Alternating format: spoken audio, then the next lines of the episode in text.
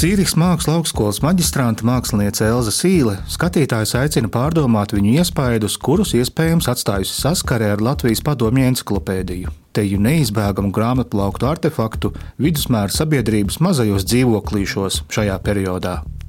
Tādējādi ekspozīcija bija Dža, Ge, Ilk, Mir, Nul sastāv no trim sējumiem. Pirmais Bija ir veidots no lielformāta paneļiem ar ādas pārklājumu. Tajos redzami vizuāli stāstījumi nelielu attēlu un tekstu aplikāciju formā. Otrais sējums, G-ilk, ir speciālā operācija, kas norisinās uz vidēja formāta alumīnija plāksnēm ar krāsainu pusšķidru materiālu sajaukumu, kas izgreznots arī ar želatīnu un grafīta zīmuli. Galvenais vēstījums šeit atgādina par maldināšanas stratēģijām kara laikā un kamuflāžas tehnikām. Trešajā vizuālajā sējumā no mir līdz nulli pielietots spēks un gleznas standartizēto rāmi un to saturošo krāsu reducējot uz vienu šauru dimensiju. Savukārt mākslinieks un fotogrāfs Ilja Lipkins ir dzimis Rīgā un šobrīd dzīvo un strādā Berlīnē, kur veids pasūtījumu darbus un strādā arī pie individuāliem projektiem un grāmatu dizaina. Viņam patīk darboties plašā mediju un formātu ielokā, kas paskaidro tikpat plašo tematisko daudzveidību, kurā Ilja veic savus radošos ceļojumus.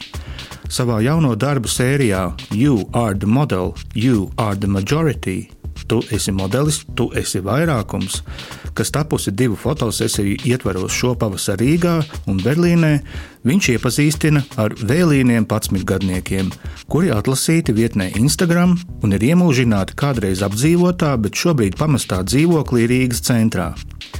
Šie savstarpēji nesaistītie fotogēniskie svešinieki atklājas kā draugu kopa, kuri sēžot, atlienoties vai guļot uz gadu gaitā nolietota dīvāna, kas izvietots uz raibi rakstainas tapetes fona, vai nu nepārtraukti fokusē skatienus tuvumā esošajos ekrānos, vai šķietami skatās nekurienē. Abu ekspozīciju kuratorei Zanai Onskulei dalos savos iespaidos par redzēto. Kopējā atmosfēra laikmetīgās mākslas centrā Kim šķiet diezgan vēsa un varbūt pat remdena. Liekas, Elas gadījumā nu jā, varbūt tas neteikti galīgi nav remdināta pieeja. Tas man liekas tieši arī caur tādu. Tas darba process arī kā izstāde tapa. Fiziski Elza un viņas palīgi, viņas māsa un vēl vismaz desmit dažādu vecumu, bet nu, lielākoties jaunieši no dažādām profesijām, dažādu izglītību kategoriju studenti nāca un palīdzēja. Šeit bija tāds, teiktu, pilnīgi pretēji tāds varētu tā tāds studijas um, vide, mūzika, pīcis ēšana, runāšana, kā likt kopā tās atsevišķos elementus. Un, Iļas gadījumā tas vienkārši ir tīra. Viņam tas nepatiks to teikt, bet nu, vienkārši klasiska, pat arī tajā pašā laikā neklasiska fotografija. Tie ir jauni jaunieši, bet tajā pašā laikā apzināti izkalkulēti, kā viņi izskatās. Un tas arī ietilpst Iļas arī praksē, ka te nav uh, naiva, varbūt tā meitene, nezinu, pati jaunākā ir 15 gadniece, bet nu, grūti pateikt, viņai ir 15 gadi. Tas varētu tāds, tāds varbūt arī tāds uh, spēle ar to, kas ir uh, jaunība, bērnība, kas ir kaut kāda sevis apzināšanās, seksualitātes ķermeņa un tie pašā laikā jā, kaut kāds tāds arī tie 90. gadu tropi, kā visi jaunieši izskatās tagad, kā varbūt īļi izskatījās bērnībā un es izskatījos bērnībā. Visi tie paši teikrekli. Un, Jā. Angliski ir ļoti labs vārds - firm kas ir tāds konkrēts, nostādīts. Es arī, piemēram, pats skatoties Instagram, kas vispār notiek, kā šī platforma producē tos attēlus, tur ļoti daudz parādās šis firmness, tas es esmu, kas es esmu, un tu man neko nepadarīsi. Nevis tur... tas, kas Ilju ir interesē, kaut kā jā, tā, tā mūsu dzīve, tā ekrāna priekšā, kā mēs paši sevi performējam. Ir kā mums ir nezinu, skumjas, izmisums. Ir divas fotogrāfijas ar ukrāņu jaunieti, kas arī, protams, ienes to papildus kontekstu. Viņa jau dzīvo Berlīnē vairākus gadus. Tas nav tā, ka viņa ir aizbēgusi, bet, protams, tā viņas, viņas lokācijas pieminēšana, izcelsmes vieta dod to, to, to papildus kaut kādu svaru. Bet tā, man liekas, ir tāda apusēja spēle un tā, tā kā stilizēšana. Te, man liekas, ir, nu, man liekas, īļa tieši tā kā bāža pirkstu tajā virzienā, kādā mēs dzīvojam realitātē, kā mēs skatāmies un kā patērējam telefonu, kā mēs vēlamies izskatīties Instagram. Es pat teiktu, jā, caur to vēsumu vienkārši atsedz arī to realitāti.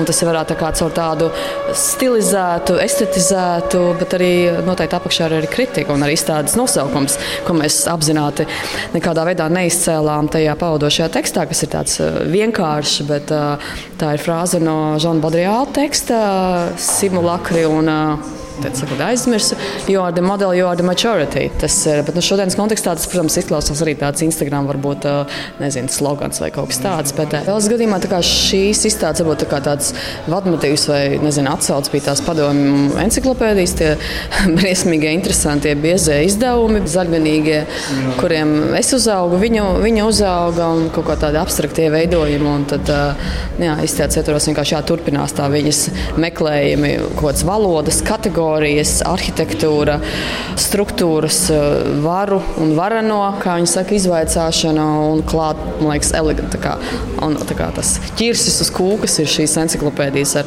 visādiem eh, amizantiem uh, frāzēm. Nezinu, tur, slaucēji, kas izslaukusi desmit tūkstoši govis vienā dienā. Vai, jā, jā, tieši tā, jā, viņa interesē cenzūra, arī kaut kāda maskēšana. Un, tas viss arī ietērts tādā viņas, varbūt no vienas puses ir tā tās metāliskās plāksnes, bet arī piesakās jaunie darbi, kas ir tādas lielas ādas, otrais lietotās ādas kušetes, varbūt saliekamās gultas. Tikpat ļoti arī izskatās kā tādi padomju dzīvokļu durvis vai arī tās padomju enciklopēdiju tie vāciņi. Nu, tas viss ir tāds vāki, vāki. Jā, jā, jā, nu jā, tas tāds.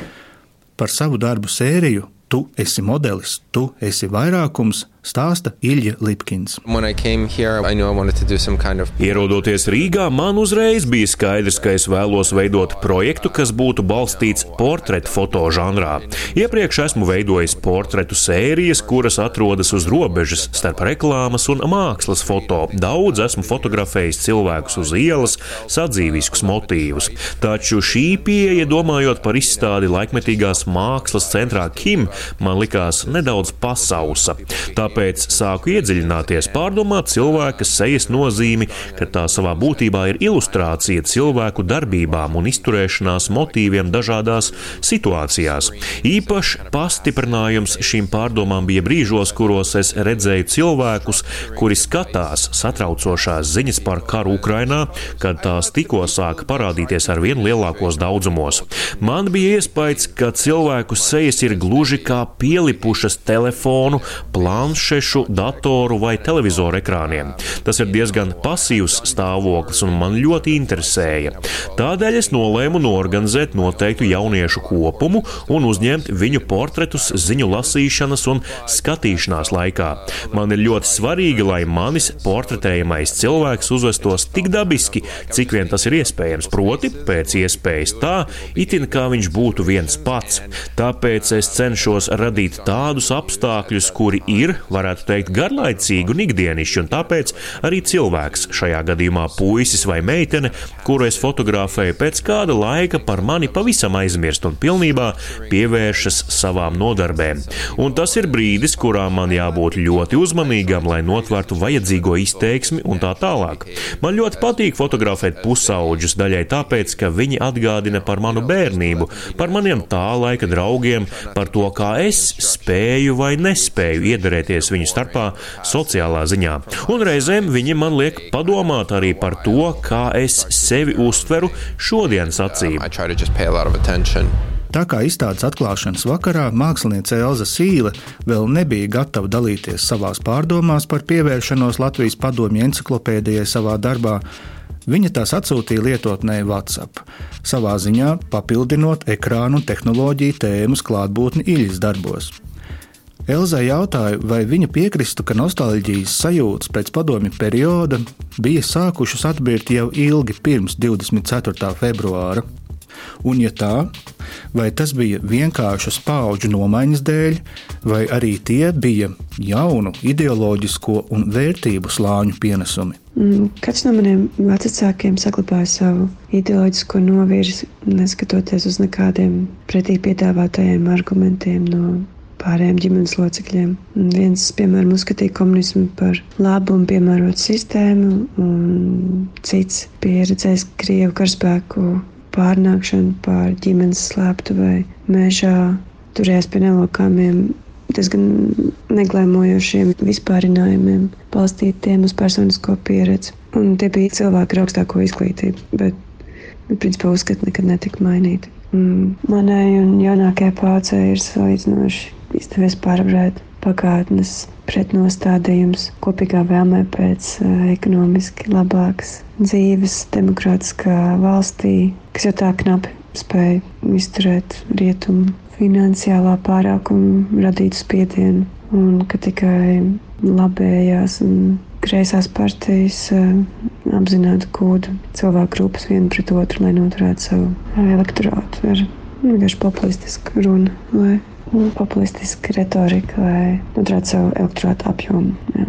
Šīs izstādes ietvaros um, nostalģija parādās nevis kā skaidra doma sekvence, bet kā uz terapeita krēsla izlaist šuba vai, vai latviešu siļķi kažokā. Tāds kā, kā asociatīvas vizualitātes, kuras neļaujas nosaukties skaidros vārdos, bet mēģina trāpīt um, kādos atmiņas piereduma, redzētā kaut kam garām paietā kambaros. Izstādes mērķis ir simulēt mentālu kā vizuālais upai vai labirintam līdzīgu vidi, kurā skatītāja prāts iekrimst, iestiek tikai ar teju neiespējams refleksijas palīdzību mēģina izkūties uz kādas stabilākas pamatnes vai apzinātāku novērojumu.